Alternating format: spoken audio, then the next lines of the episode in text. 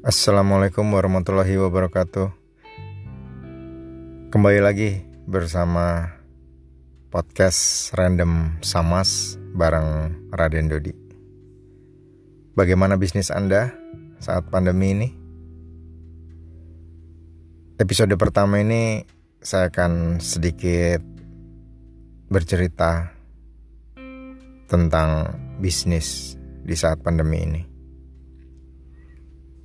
Belakangan ini saya banyak dapat cerita dari teman-teman saya yang omsetnya turun drastis.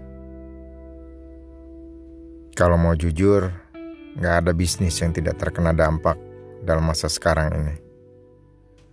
Kecuali bisnis itu berkaitan langsung dengan adanya pandemi ini. Contohnya bisnis masker, bisnis APD. Omset turun outlet-outlet tutup, karyawan dirumahkan, bahkan mungkin ada yang dengan terpaksa memphk karyawannya. Itu adalah kenyataan yang dihadapi oleh hampir semua pebisnis pada masa sekarang ini, termasuk saya. Pebisnis itu adalah orang siap menanggung resiko. Resiko untuk sukses dan resiko untuk bangkrut. Kalau teman-teman gak siap dengan dua resiko itu, ya maaf, jangan jadi pebisnis. Kalau kemarin-kemarin kita dengan bangga bisa cerita, buka banyak cabang, omsetnya ratusan juta, bahkan miliaran. Nah, sekarang kita baru diuji sebentar saja dengan pandemi ini. Kita ngeluh, berkeluh kesah, seakan semua sudah berakhir. Janganlah jadi pebisnis yang maunya hanya untung dan senang saja. Tapi pada saat seperti ini yang dilakukan hanya berkeluh kesah, protes dengan keadaan. Mulai sekarang, kita berhenti mengeluh. Kita introspeksi diri kita.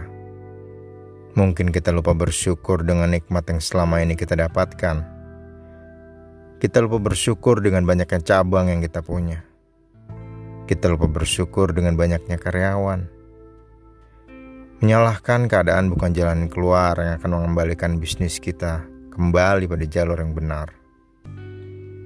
Keadaan baik maupun keadaan buruk semua sudah ditentukan oleh Sang Pencipta. Maka mulai sekarang, Mari kita jadikan diri kita sebagai bisnis yang pandai bersyukur dalam keadaan apa pun. Optimis dan yakinlah bahwa setelah pandemi ini berakhir, bisnis kita akan tumbuh, berkembang, dan bermanfaat buat banyak orang. Jadilah pebisnis atau pekerja yang mulai berani bilang, bisnisku adalah ibadahku. Karena banyak orang yang bisa memulai dengan mengucapkan bismillah. Tapi sedikit orang yang bisa mengakhirinya dengan ucapan alhamdulillah.